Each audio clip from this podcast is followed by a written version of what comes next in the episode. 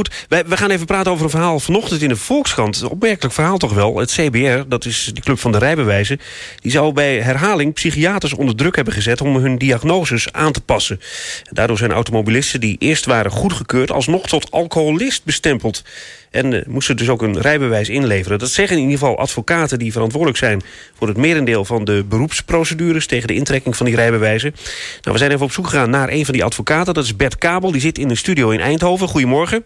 Goedemorgen. Ja, dat is een opmerkelijk bericht. Waarom zouden psychiaters die diagnoses aanpassen? Uh, ik denk dat ze die diagnoses willen aanpassen... omdat zij heel veel opdrachten van het CBR krijgen... om dit soort onderzoeken uh, te doen. En, en daar worden zij voor betaald? Daar worden zij inderdaad voor betaald, ja. Wat zijn de bedragen die, daar, die daarvoor gelden eigenlijk? Uh, het is zo dat als je een onderzoek opgelegd krijgt in de vorderingsprocedure... dan moeten de betrokkenen daar ongeveer 900 euro voor uh, betalen. Daarvan gaat 600 euro naar het CBR en ongeveer 300 euro naar de psychiater. Aha. En, en even, want wanneer, wanneer kom je daar nou voor in aanmerking dan? Want ik bedoel, als je toch uh, gepakt wordt met één of twee glaasjes alcohol op... dat, dat, dat lijkt me dan toch niet het, dat je gelijk alcoholist bent? Uh, nee, dat klopt. Uh, je komt in deze procedure terecht als je aangehouden bent geweest wegens het rijden onder invloed. Um, en dat kan zijn met een hoog promillage, ook met een lage promillage wanneer het bijvoorbeeld de tweede keer is. Kijk aan, en dan wordt dat via justitie afgehandeld. Je krijgt daar dan een boete voor. Maar als je dus in herhaling valt, dan moet je ook via een psychiater... Moet je, uh, om, uh, om te laten zien of je wel of niet alcoholist ja. bent. Uh, het is zo inderdaad dat je hebt het strafrechtelijke traject. Dat is het traject wat justitie doet. dan kun je een ontzegging van de rijbevoegdheid krijgen.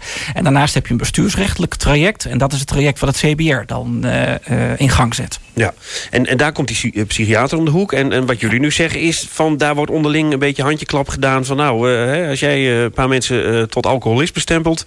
levert jou dat geld op en, en ons ook weer, het CBR. Nou, ik, ik denk dat dat, dat het te gemakkelijk is gezegd. Uh, het is zo dat uh, de beïnvloeding eigenlijk al begint op het moment... dat het CBR de psychiaters selecteert. dus het CBR wil alleen met een beperkt aantal psychiaters samenwerken. Daarnaast is het zo dat het CBR cursussen geeft aan de psychiaters... die die opdrachten krijgen. En het is inderdaad ook zo op zaaksniveau... dat er overleg plaatsvindt over die onderzoeken. en daar vindt beïnvloeding plaats. Ja. Maar nou weten we allemaal, denken we wel uit onze omgeving... iemand die uh, iets te veel alcohol drinkt. Als je die zo iemand vraagt van... Uh, ben jij misschien niet een beetje alcoholist? Dan zal zo iemand het altijd ontkennen. Dus hoe zit dat met die cliënten dan van u? Um, nou, kijk, het is zo, er worden vragen gesteld, een, een groot aantal uh, vragen. En die vragen worden dan beantwoord. En aan de hand van de uh, antwoorden wordt gekeken of er sprake is van alcoholmisbruik. En uh, wanneer je de vraag stelt, bent u alcoholist? Dan zal menigeen zeggen nee. Maar als je het totaal aantal vragen bekijkt, ja, dan is het zo. Dan moet je op basis van die antwoorden gaan kijken of je voldoende hebt om die conclusie alcoholmisbruik te mogen rechtvaardigen. En zijn die testen wel accuraat dan? Ik bedoel, als ik die vragen beantwoord, ben ik dan wel of geen alcoholist, denkt u?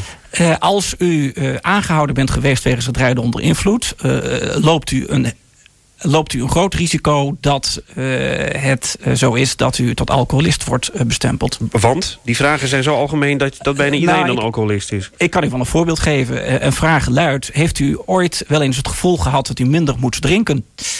Uh, ja, in november heb ik dat altijd. Nou, precies. Nou, dat zit u op die vraag zit u al helemaal fout. Ja. Oh, oké. Okay. Heeft u zich ooit wel eens uh, slecht of schuldig gevoeld over uw alcoholgebruik? Nou, als iemand zegt ja, bijvoorbeeld omdat hij een kater heeft... Ja. Ehm, ja, dan zit je met die vraag ook al fout. Ja, dan heb je niet veel meer extra nodig om tot alcoholist bestempeld te worden. Ja. Um, u, u behartigt de belangen van een aantal mensen die dit is overkomen. Hoeveel mensen zijn dat in totaal wel? De afgelopen jaren tientallen, misschien wel boven de honderd. als ik al die jaren bij elkaar optel.